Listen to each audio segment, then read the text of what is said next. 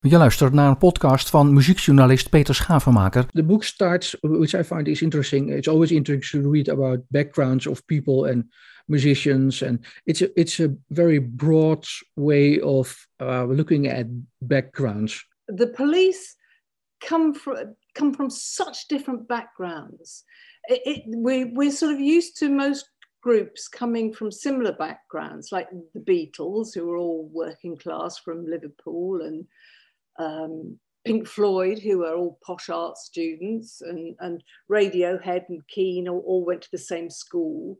But I mean, there's nothing that uh, the police really have in common as people. So, so, so that's why the, that's why you, you you wanted to empathize that so much on the in this yeah. page. Yeah, absolutely. I mean, if you take Sting first, he was born in, in Wallsend in the north of England, um, where the big shipyards were at the, at the, time. And his father was a milkman, and he was, he was incredibly working class, really. Um, but he was a very smart guy, uh, and um, he went to grammar school, which is, you know, you have to pass a lot of tests. I don't know whether there's a, a, an equivalent in, in Holland, but you have to pass a lot of tests. And then it is a state school, but it's sort of a cut above. And he, he, he went to teacher training college and um, t- taught in, in, in Catholic uh, convent school as well, which is the idea of Sting teaching in a, in a convent school is amazing, really. Yeah, he's really a typisch uh, Englishman. Huh? Yeah, yeah. Uh, um, but all this time, he he was working in bands um, in in Newcastle. He was in a, a, the Newcastle big band, and he was playing jazz. Um, and he was sort of playing in pub bands as well. But I mean, his his his influences, I think, were very much jazz, mm-hmm. Mm-hmm. which which is uh, you know that didn't really play well with with the punk um, ideals at all. It was a completely different discipline. I yeah. mean, it was more sort of uh, Duke Ellington and Count Basie and things. But I mean, he was he was constantly sort of gigging when he was in his uh, late teens. And um, he, he even went and played on cruise ships, you know, those mm-hmm. sort of schlocky sort of cruise ship things he did. And um, he was playing actually in, um, in a pit band um, for a Christmas musical when he met his first wife, uh, Frances. Yeah, and she, but, she was actually playing the Virgin Mary in, in a Christmas. What does it What does it say? He had such a, a, a broad and a, a musical upbringing. Uh, later in his relation towards the police, what did it help the police? Other ways, other ways to say.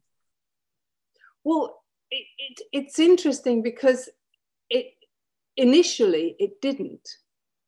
Um, he always had a voice, a fantastic voice. I mean, his range is, is amazing, isn't it? Mm-hmm. If you if you think about um, his voice on Roxanne, he, it's not falsetto, and it, it's not. He, he's got an unnatural, uh, a sort of natural tenor voice, but he was almost yelling on Roxanne and it, it's, it's, it's just a very unusual voice, which isn't really suited to, to punk at all, which is where, where he was sort of first placed in, in the police. Yeah, well, one red line uh, is uh, uh, their love for Jimi Hendrix. Eh? It's in the center oh, of yeah. all three musicians. Um, what, what's your explanation on that? I think it, I mean, musicality, of course, they were all very, very musical people and very proficient. I mean, they weren't, you know, just two chords and, and get on with it. So they were very, very impressed by Jimi's um, extraordinary musical um, talents, but also he's, he, he was such a performer. I mean, he, he, he, wasn't a big guy, but he seemed like a giant on stage. I mean, I saw him once uh, at, at um, Royal Albert Hall, and I've never forgotten it, you know. And all of them, I mean, they they come up with uh, sort of different um, takes on on it. Um, Sting said it was an, an, an overwhelming wall of sound and it altered his worldview. And Stewart said his mind went blank for three days after yeah, yeah, yeah, yeah, And, and Stewart also says in the book there was no point being a guitarist unless he was the best. And Jimi Hendrix already had that shoe up, so it's yeah, absolutely, yeah. There's, be- there's no better way to say it, uh, almost. Absolutely. Uh, yeah. Uh, uh, what could we hear f- from that uh, inspiration of of Jimi Hendrix of all three in in the police? How, how does it sound in the police, or uh, was it only an inspiration for I think it was, it was just an inspiration, and and I mean it was almost a mystical experience for all of them. The way he can handle a crowd, and I mean it wasn't a crowd; there were all very small gigs that um, they they went to. There was, uh, you know, a Club a Go Go or the Savile Club. They were all very small places, but mm-hmm. he just filled uh, filled them up yeah. entirely. Yeah, coming from different backgrounds, uh, like like Stewart uh, on, on, page fifteen, you write uh, drums gave him a proper identity because uh, mm-hmm. he came from a, a kind of a a, a, a different, very different background. Eh? His father right. tra- traveling around, a son yeah. of a CIA uh, I mean, his, officer. His father was was very high up in the CIA, mm-hmm. and um, w- when Stewart was little, they lived in Cairo, and um, Stewart's father was was helping uh, set up a, a, secret service that eventually they they overthrew, uh, they overthrew the king of uh, Egypt. So he was an extraordinarily sort of um, influential man. But um, Stewart, because his parents were, uh, uh his mother was, had also been a, a, spy during the, the Second World War, apparently. Mm-hmm. But his parents sort of let him have his head. You know that he, they they didn't have very uh, present uh, parents. You know, uh, so so they got up to all sorts of things. And Stewart was playing in the in drum the drums uh, in with a band by the time he was twelve.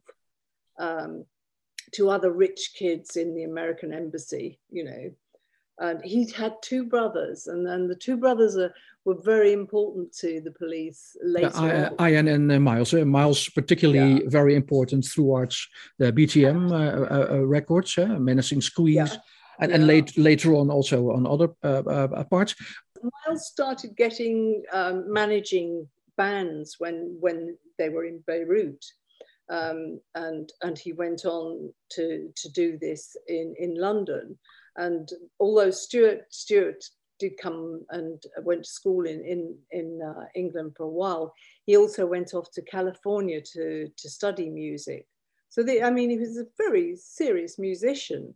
He, he studied uh, compose, um, yeah, composition in in um, California. Yeah, um, yeah. And then when he came back, Miles got him to work in his company really he, he, he roaded for a long while uh, for people like Joan Armatrading. Trading. I don't know whether you remember her. Yes, I do remember. Um, she had uh, just uh, released a few new singles. It's amazing. So. Oh, really? Yes. Right. I didn't know that. Mm-hmm. And and then after a while, um, he he started roading for Curved Air, and then luckily the the the drummer left, and and Stewart started drumming with Curved Air. Yeah. Curved Air was a sort of prog rock um, band. The, the singer was um, a, a, wonderful woman called Sonja Kristina, mm-hmm. who'd been in Hair, you know, the original version of Hair over, over here. Uh, fantastic singer. And um, she and Stewart fell in love. And um, he was he was drumming for Curved Air, and they were very very happy. He, he, you know, he'd got to where he wanted to be. He, he was performing. He was he was part of it all. what, what did what did the uh, uh, American upbringing of of Stewart uh, did for for later the police? Because the police were um, uh, huge in the in the U.S. also. What did what did it bring to the police of his American upbringing? Do you think? Well, I don't know whether you would say he was he had an American upbringing because his upbringing was all over the Middle East, you know, and he had lived in, in London for quite a while. But I think what, what his family brought to him and, and brought to Miles was the a sort of vision that um, uh, that Miles very much lived up to. That they could they could work anywhere. They could really make it anywhere.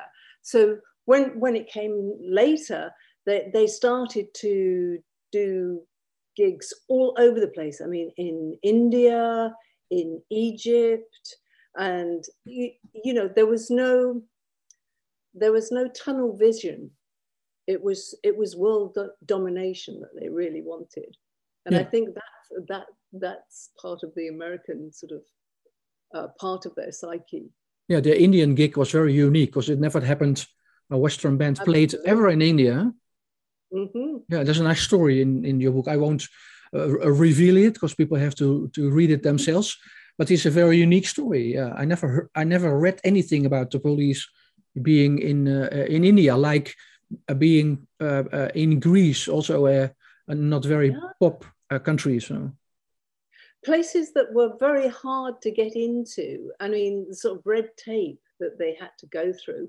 Miles didn't ever see any of that. He just went for it.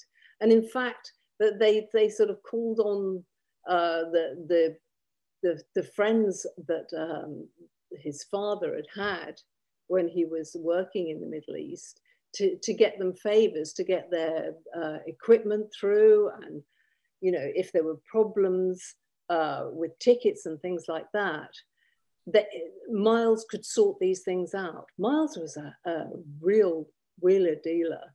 I mean, uh, I, I, I met him a few times uh, in the 70s and he's scary. yeah, yeah, yeah. So he was so he was a great help with the book also.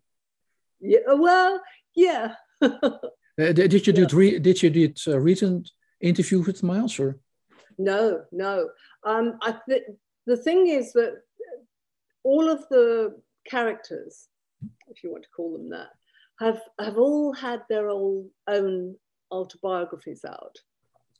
So they, it, it's easy to see from each person's perspective the history but what we wanted to do was a history of the band, not, not the individuals. Do you see what I mean? Yeah, yeah. So you used all three separate bi biographies. Absolutely. Mm -hmm. And then looked at their, their place in history and, and uh, you know, cultural history as well. Yeah, yeah. Uh, do you consider uh, uh, Stewart a typical drummer because he has a left-handed like Phil Collins, Mickey Dolenz eh, from the Monkees, and and, he, and and as I just referred on page fifteen, he, he the drums gave him a proper identity, uh, uh, something he set something different to him. Do, do, you consider him as a typical drummer, or also in person? I, think, I mean, because I mean, I I met him um, when the, the group was starting out. And Stewart is, I would say, I mean, I don't know many drummers, but he is a ball of energy. He never, ever keeps still. He's always got that nervous thing about, you know, sort of slapping his thighs. So I would say he is an absolute natural uh, drummer, definitely. Yeah yeah and, and, and also sting eh? when, when you read page 34 in, in, in the book uh, the, the, the music gave him a kind of a liberation uh, which could be found in music so that was a kind of a revelation to to to him. That's a, a good way also he, he, refers it to bruce springsteen or in in your book you refer to bruce springsteen. What does it say uh, on sting on, on and his later solo career? It was so important that liberation for in music. Sting as, as a very um, i find him a very charismatic person. And i think he was looking away for a way out of his upbringing um, he had a lot of natural gifts i mean he he looks amazing and he has a, a fantastic voice. So he was looking for a way out of out of his upbringing, I think. And these talents were what he used to get there. Um, he, his, his first wife, um, Frances, taught him a lot about um, stagecraft. And because she was an actress, she, she is an actress, she's a, she's a fantastic actress. And she comes from um, uh, an Irish, a famous Irish acting sort of dynasty.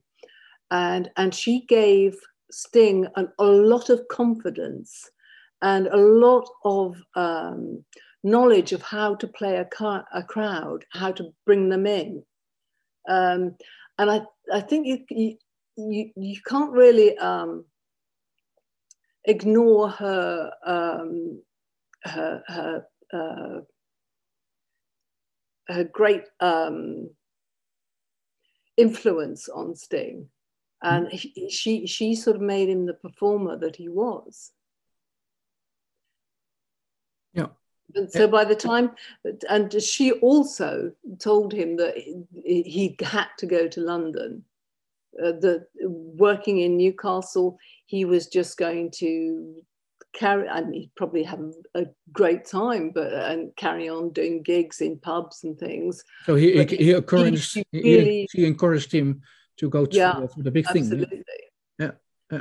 And so I mean, the the other person involved, of course, is Andy. We haven't we haven't mentioned Andy. No, no, no. I want to stick with Sting for for, for a while because there's uh-huh. such, such sure. interesting uh, stuff of uh, of uh, Sting with the background. So on on page uh, 36, you also write everyone was envious on on Gordon, and eh? so Sting, eh? the real name of Sting. Mm-hmm. Uh, how did it work out later with the envious uh, within the bands and other musicians around him? Because he was such good looking, had a very musical skill, and uh, and also he was uh, so ambitious, so incredibly ambitious. And I, I think he is a fairly uh, controlled person. Um, later in his career, after, after he'd left the police, he uh, when when he was working on uh, uh, the Blue Turtles, mm-hmm. The Dream of the Blue Turtles, I think it is. Um, uh, the, the uh, musicians that he had around, he, he handpicked these musicians, but he was always in charge, uh, which in a way was a shame because uh, the musicians should have, could have, uh, you know, influenced him lots more, but he, he had to have complete charge. Some, sometimes in, in the police, it seems also he was in charge because he, he, sometimes uh, uh, left some uh, work of Andy or Stewart or a. yeah. Would absolutely. you say he, he's the leader of the police, or is that well, he didn't start out that way. No, it no. started out very much as Stewart's band. Stewart had this idea.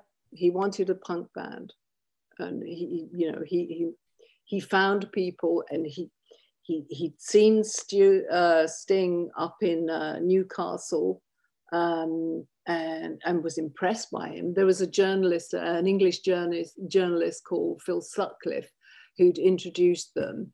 Mm-hmm. And both Sonja and uh, Stewart thought that he was charismatic, had a great voice. And, and so they rang him up and, and said, look, why don't you come down to London and, and, and we'll see how it goes.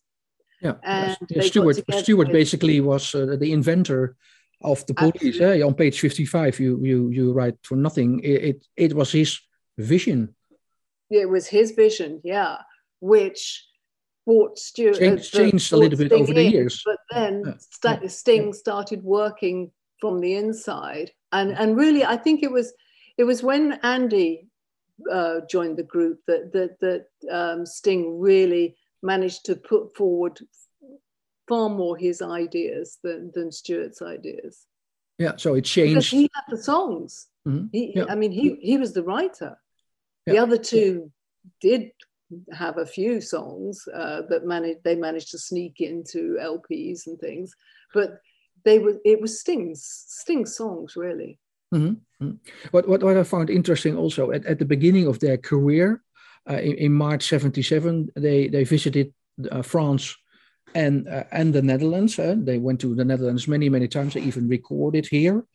Yeah. I, we, we come back to that later. But why was Holland always that important for, for the police? I don't know. I, I, I, Holland did have a very um, vibrant punk scene, didn't it? I yes. mean, mm-hmm. the first time they went, they they were supporting the Damned, I think. Yeah, mm-hmm. true. Yeah. Uh, I mean, you'll you'll know more about the punk scene in Holland uh, than I do, but um, it was it was it was very vibrant over there. As you hmm. requested, we, we talk about Andy now. Mm, yeah, we don't ha- we don't have to forget Andy, uh, the eminence grise uh, uh, of of the of the band, as you call him, on page uh, eighty nine. yeah. Yeah, born in 1942, so he'll be 80 indeed uh, next year. Yeah. Uh, can you imagine a member of the police being 80? I know it's extraordinary. yeah, it's just, it's the same thing I had with Cliff Richard, uh, um, turning 80 also. Oh, did it? Oh, so they're yeah, the same age, nearly. And I, and Cliff is from 1940, so. That's extraordinary, isn't it? Yeah. Yeah, yeah. and no, Bill, Bill Wyman also uh, turned 80. Uh, it's amazing. So. Yeah, yeah. yeah. But, but um, uh, he, he, he, um, uh, um, Andy has even a brother um, musical musical uh, upbringing or uh, experience because he uh, played with Neil Sedaka and he plays with David Essex and worked yeah. with Alexis Korner and. oh, absolutely!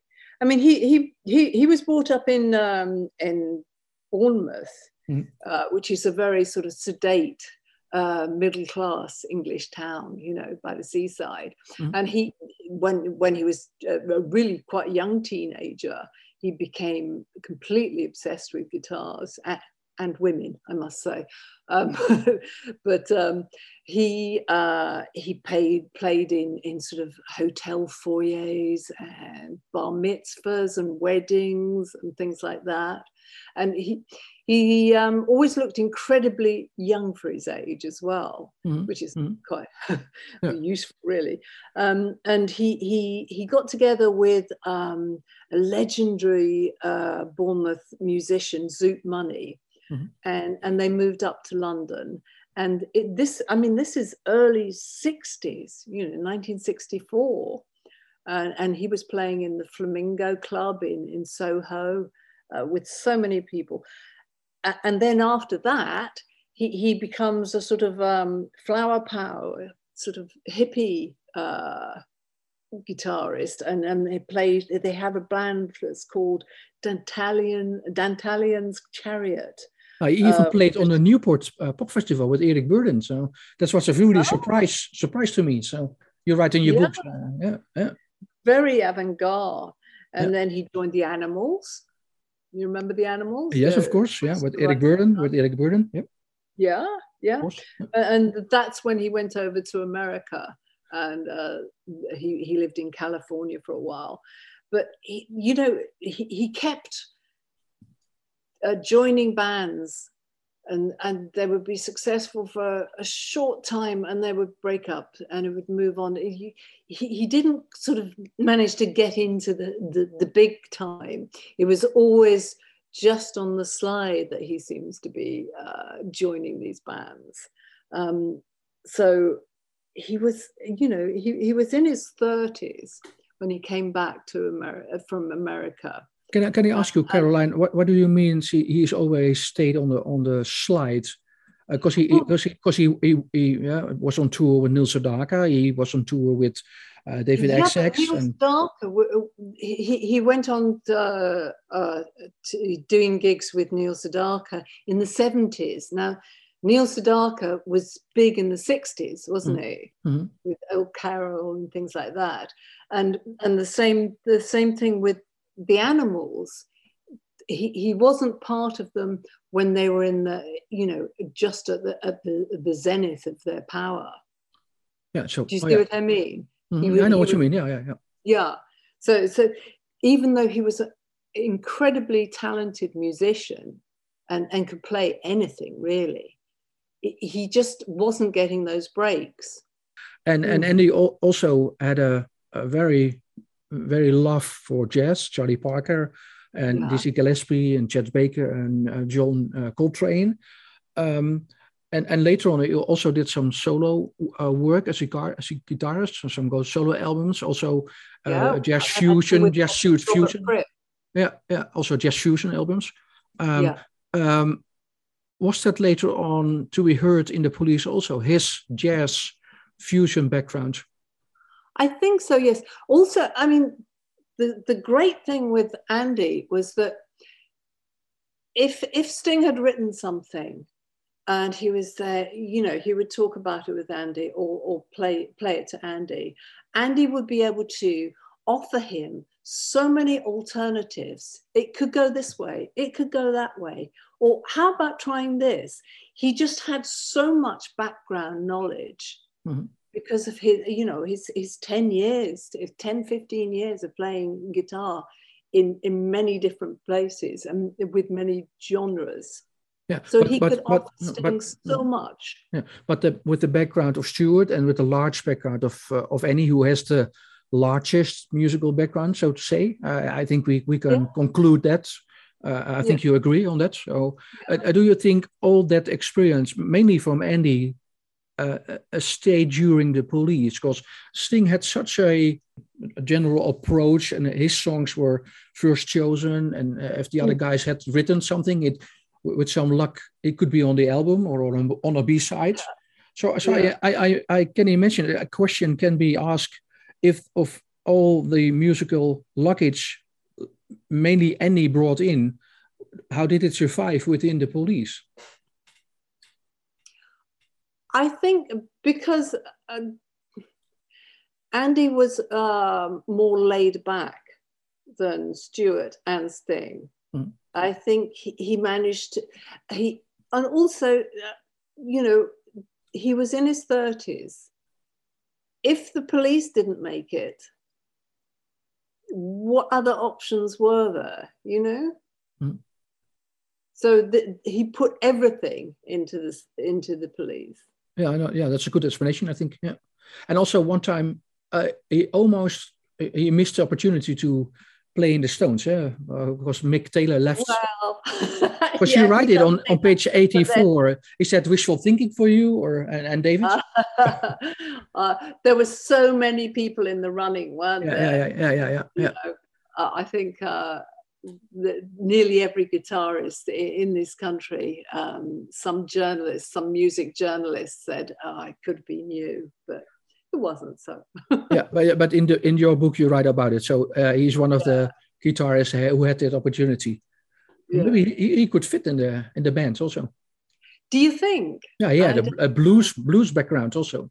Mm, yeah, yeah, but they've got Ronnie Wood.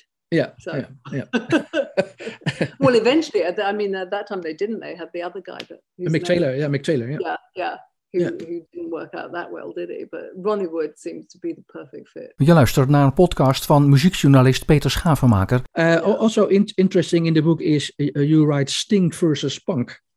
Um, what, what, do you? Uh, how could you? Would, would you explain that? Stewart had the idea that he was going to have a punk band, but it it never really sat right uh, with with the with Sting, did it? I mean, it, and and, and it the the the sort of um, the ideas, the tenets of punk didn't sit right with any of the three of them.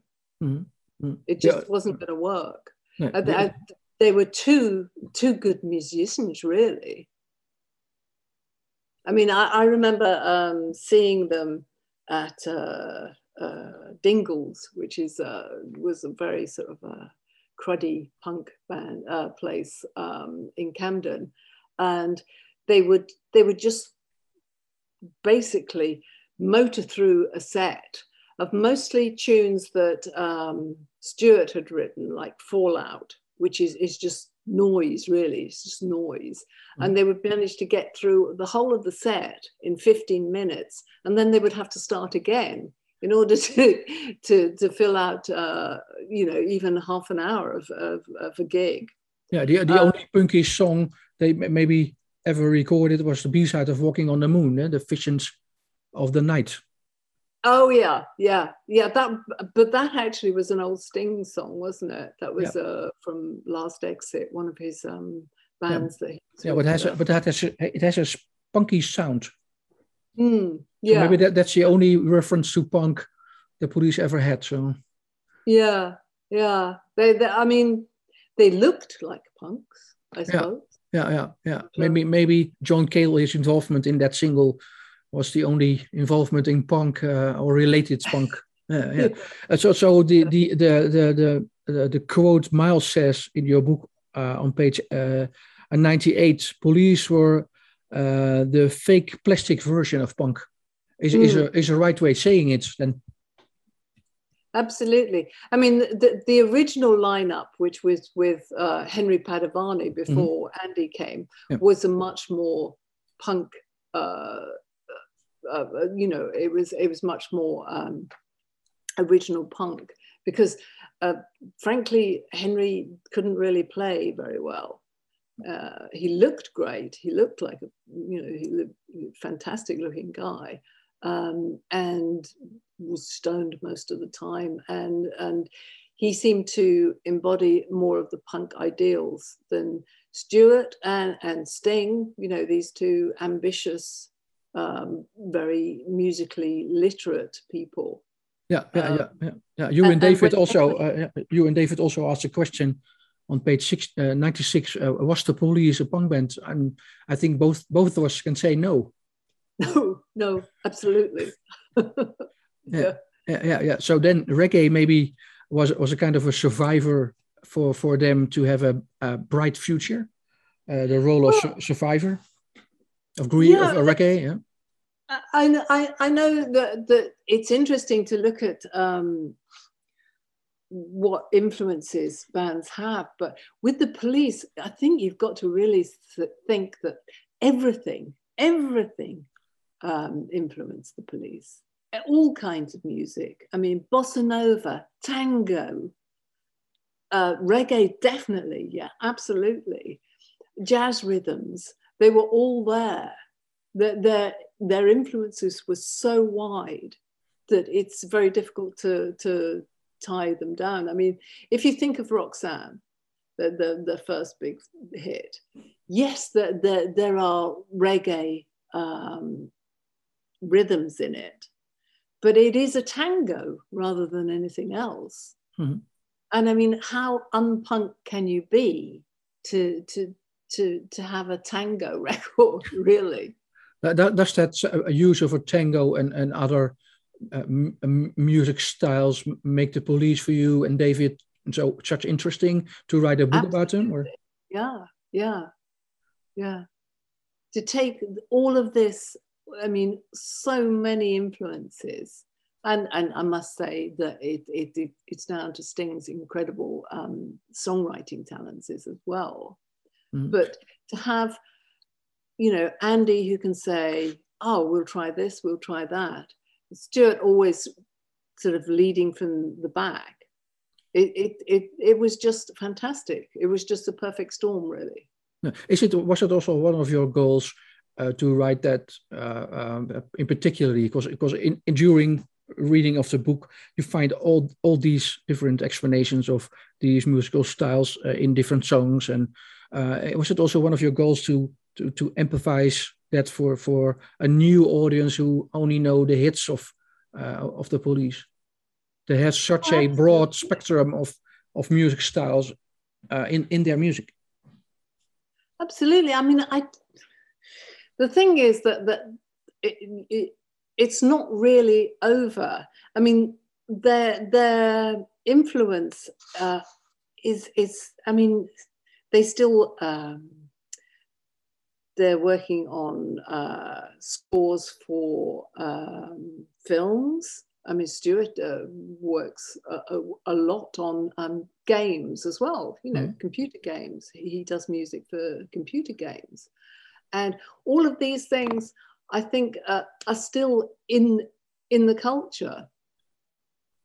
But, but for many people who only know the hits, it's very unknown. So mm. so that's why maybe the, the, the, question is justified if you had one uh, as a goal in, in writing the book to empathize uh, that broad spectrum so everybody knows about it now after reading your book Absolutely, yes. But I mean, they were very much of their time.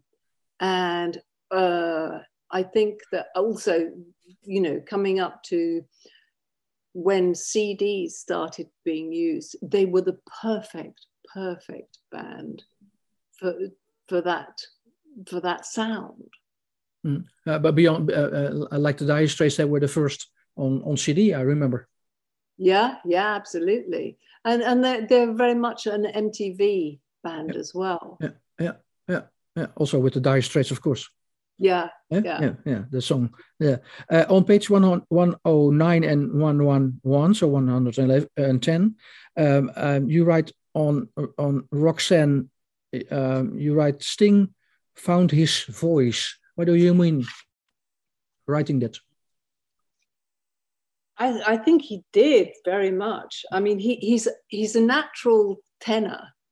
You know, he, his voice is, is untrained, but it's a, a beautiful, huge range as well. But uh, the the way he sings Roxanne, it's not falsetto, uh, but it is very, very forced. And it just goes with the driving beat. I mean, the driving beat of, of Roxanne is extraordinary, isn't it? Mm-hmm. For mm-hmm. following his voice.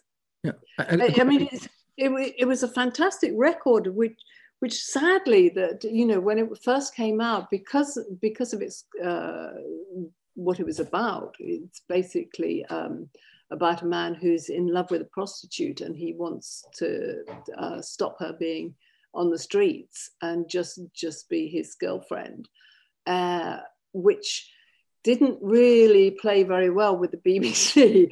Um, it wasn't actually banned. It was just just didn't make the the playlist, mm-hmm. so nobody heard it on radio.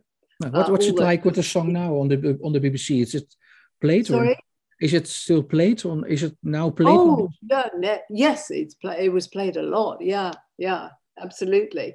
But it was re-released afterwards. Mm. I mean, this is after they they'd gone and toured America, because even though the music press loved it, it just wasn't it wasn't played on the radio. And at, at that time, if you weren't it weren't played on the radio, you didn't have a hit record. Yeah, an interesting term in in your book, I think, is uh, uh, the words white reggae for the police. I think it's a very interesting term to, to read and, and your explanation on, on, on the band itself? Well, I mean, reggae is big. I mean, if you think the Clash, Clash used a lot of reggae rhythms as well. Uh, were the Clash bigger in Holland? Uh, no, I think I think the no. police were bigger. Yeah. yeah. Oh right, right. E- even um, in in the the early seventies, well, the mid seventies, because mm-hmm. um, uh, uh, I mean, that first, uh, the, the Pinkpop uh, concert. Festival, yeah, concert, yeah, yeah, yeah. was mm. in 79. Yeah, 79, yes. Yeah, I think The Clash was on with them then. And there was Pete Tosh and Elvis Costello, were, Dire Straits, Rush. Elvis Costello, yeah, absolutely. Yeah, yeah and Rush, of course. Yeah, yeah and uh, John yeah. John Peel was the presenter during that uh, show. Yeah, yeah, yeah. I don't know whether you've ever seen it. Um, there's a there's a clip on um, YouTube of uh, Sting just about to go on stage to sing Roxanne at Pinkpop. Yeah, I, I have some DVDs of Pinkpop, so I know there was a yeah. uh, about ten years ago they celebrated the 40th anniversary, and they oh, released wow. some DVDs of uh, uh, various uh, episodes of uh, editions. Uh-huh. Well, there, there's this YouTube clip, uh, clip of um, and and Sting. It's a fabulous one, just because he, he's just about to go on stage, and the camera is following him, and you can see how pent up and nervous he is, and you just see over his shoulder you know the, the thousands of people out there mm-hmm. waiting to hear him and he sings roxanne and I, I don't think he's ever sang it better. He just sounds so fantastic, and it was a really, really good reaction. He they got them that night. I think yeah. they, they, they were the stars. Really, they were the it, biggest band. Yeah, yeah. But uh, but uh, but the term white reggae. Why did you use those words for the police? Um, well, they were they were very um, influenced by um, Bob Marley, and in fact. Uh, if you listen to Sting, he he's got a sort of he does a sort of fake Jamaican sort of accent. There's a lilt there. So, so, so, he, so that's his tribute to Bob Marley. I I think so. I mean, he says, "Oh, that's just uh, the way that Geordies talk," but it, I, I, think they were, he was a big, big influence. Yeah. Yeah. Uh, let's talk about Holland because uh, we just mentioned Pinkpop, uh, mm. and also they recorded uh, uh, in the Wisseloord studios. I mean, they, they recorded the, their third album, didn't they? Zenyatta yep. Mm-hmm. Mondatta yep. at, at, mm-hmm. those studios. I think one of the reasons was they were tax exiles by then. Mm-hmm. The, the, the, first two albums had gone really, really well. They were making a lot of money. But uh, Miles, who is a very, very canny businessman, um, saw that um, it, there were advantages for them to record outside of England. And in fact, they were, uh, Andy and Sting were both living officially in, in Ireland at the time because yeah. of the tax problem they had. Yeah, as, as many artists did in that those days. yeah, absolutely. um, and so they, they were very happy to um, record in, in those studios, but they used their their usual producer who who'd done the other two um, albums, Nigel Gray, mm-hmm. came over and worked yeah. with them. The uh, Every Little Thing uh, is uh, was considered too poppy by uh, the two other guys well, it's never been one of my favorites. I don't know about you. I'm, I'm not obliged to say as a journalist, so I'm sorry. Well, I, I, probably shouldn't either. Yeah, but Sting knew that that was that was going to be a hit, and that was going to be you know one of the big hits. So he was right. Yeah, but can you imagine? Andy uh, said this is not police uh, sound, which he, he states uh, states in the book. Eh? You quote him stating that. So yeah and and also i mean uh, was it on that album that um uh, Sting, um, yeah. Sting decided that he hated that the the um, record, the the track that Andy had done. Yeah, yeah, he, um, erased it in the, during the night. Yeah, yeah, he, he took it and he buried it in the garden. yeah. So, uh, so you, you, can see that um, things had started to get a little bit acrimonious between them by mm. then. Was that the first start, you think, from every little thing? Uh, no, I think that things, uh, because Sting has had now become the, the sort of the main voice of the group, I think the other two were, were quite resentful of that, yeah. Yeah, and also so, it also happened during uh, the recording of uh, Synchronicity. Yeah, they they moved away from a little uh, uh each other, and some uh, uh, worked on solo records, and just maybe yeah. maybe Synchronicity is the best example. things were falling apart a little bit in, instead of yes. a little thing. Yeah. Well, yes, I mean, and also their their marriages. Well, Stewart, um, Sting's marriage to Frances had gone pear shaped by then. He, he'd um, Sting had started seeing uh, France's best friend Trudie um, behind her back, of course, uh, and things were were pretty bad there. You know, so Sting was in a fairly dark place anyway. Mm-hmm. Uh, and and Andy's um, marriage was broken up as well so th- they were very unhappy. And, I, and I not think, only not only musically but also personal life. Yeah, so so so so combine those two they uh, maybe they were catalyzed uh, uh, some problems uh, during the yeah. every little thing. It was uh, brought a, to a low point you you write in yeah. the book.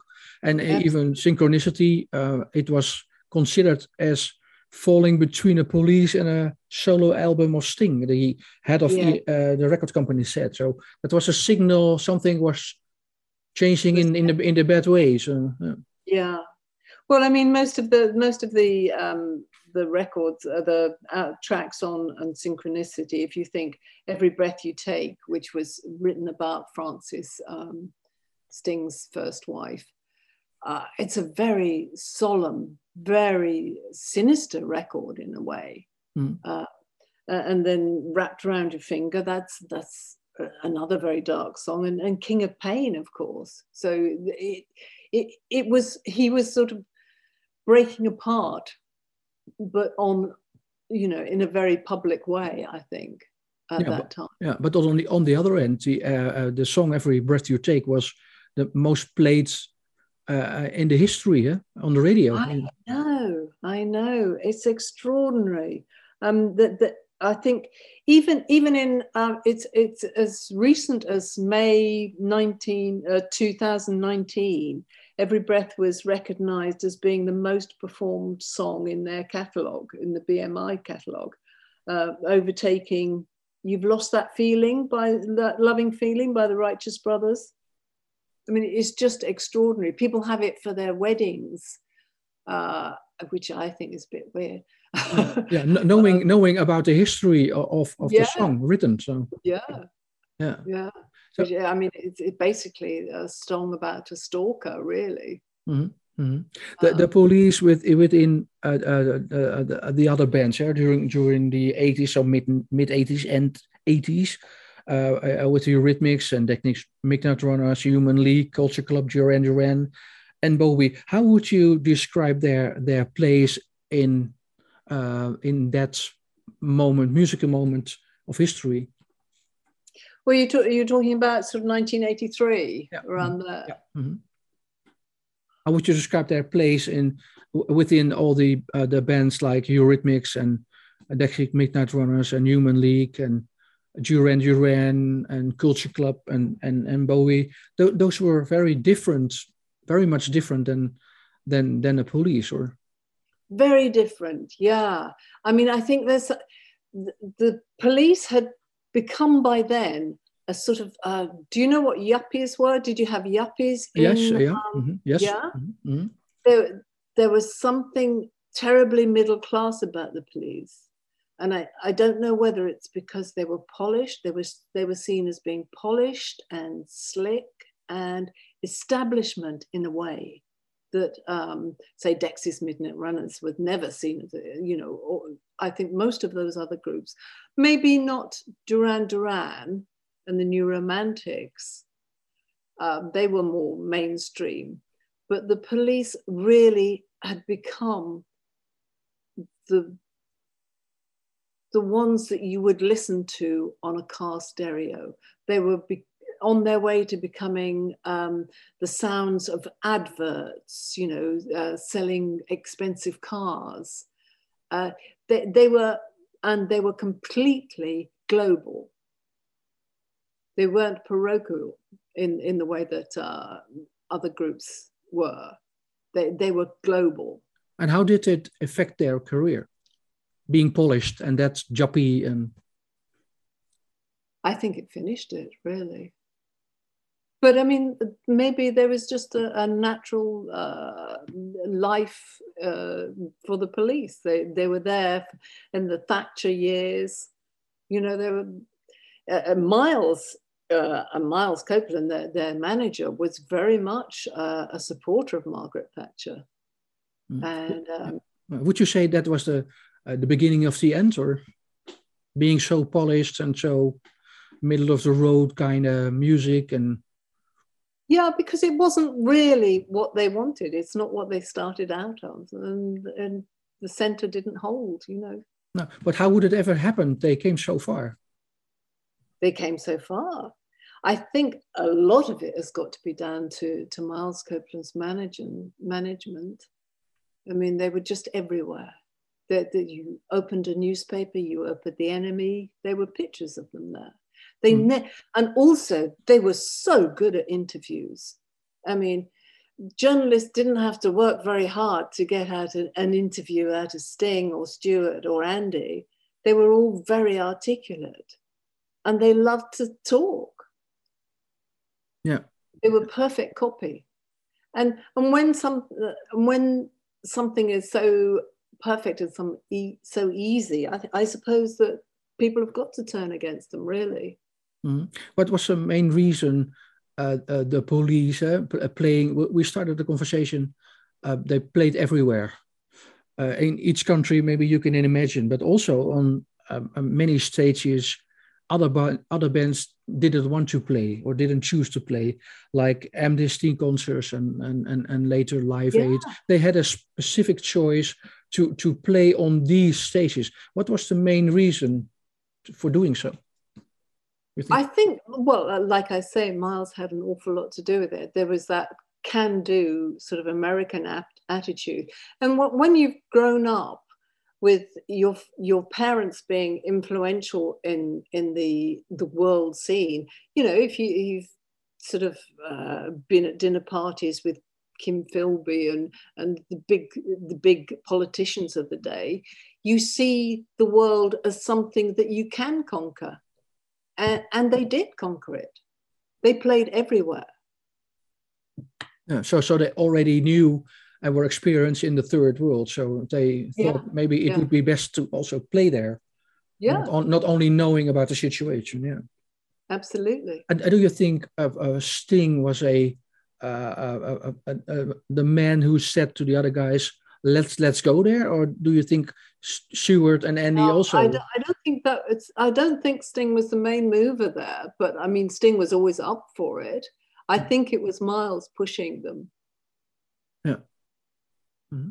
What's the reason Sting became so popular as a solo singer, and and Andy and Stewart were more behind the the, the scenes and uh, working on games music and um, uh, uh, working on fusion records and jazz uh, uh, uh, records as Andy did, and and Sting was was full in in spotlights and limelights. Well, Sting, I mean, we haven't mentioned Sting's a- acting career mm-hmm. which I think, um, I mean, he, he's still he's still uh, out there. You know, at the moment, he he was on uh, what was that thing? The the a new Disney um, serial, um, a Murder in the Building. Mm-hmm. He had a part in recent. I mean, I just sort of turned the television on, and he was on the television. And he he he he's just a face. I mean, an amazing face, and he has such talents in um, on many many um, different facets to him. You know, uh, he he was in Quadrophenia. Uh, I mean, I don't know whether you've seen the film, but he was mesmerizing me on, in, in Quadrophenia. Yeah, but but together as a trio, they could achieve uh, uh the world and beyond. But as solo artist, only Sting could could do that. So I think maybe Sting's the only one that that wants to carry on so much in the in the public eye as well. Yeah. What's what's the legacy of the of the police? Do you think? The legacy. Do they have a legacy? It's hard to say. I mean, they were the biggest band in the world for a while. they were. They were. I mean, Miles always said they was they were as big as the Beatles. No, even um, bigger. He said they were bigger than the Beatles.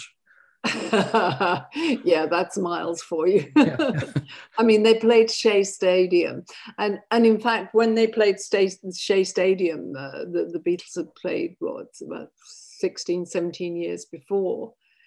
That for Sting was the end of the police. He said it, couldn't get any higher. Mm. You know that, that, that's it. Yeah, but but, but, this, the, uh, but the question, but, moment yeah. in history, and and now we've got to leave it but um, Miles didn't want want that to to happen. Then I mean, he, he he told him that to keep it quiet, and they just sort of went quiet for a few years. Mm-hmm. Mm-hmm. Uh, uh, uh, the previous books you and David uh, have written was more on Adam Faith and Kenny Everett and Randy Newman and Billy Fury. Um, yeah. In in those four names, what place does the police have? Completely completely different uh, um, animals because you've got these three characters and it's it's always the the push and the pull between the three of them which is, fascinating to me mm-hmm. yeah you, you used uh, uh, all three bios and uh, all different people to to talk and your own, own experience also uh, with the bands yeah. and yeah, yeah, it was interesting to read also uh, mm. would you have liked to to speak to the uh, the boys themselves for some new material or uh, none of them no. Now, would you have liked that or? No, no, no. That, I mean, that was an absolute um, uh, choice that we made. Yeah, because you just said they they were so good in interviews and they always had their story ready. So fantastic. But that was um, their take on it. We wanted to be more uh, subjective than that. Objective, sorry. Yeah, yeah. Thank you so much for the for the nice talk. I hope you liked it. So. Oh, it's great. Yes. Je luistert naar een podcast van muziekjournalist Peter Schavenmaker.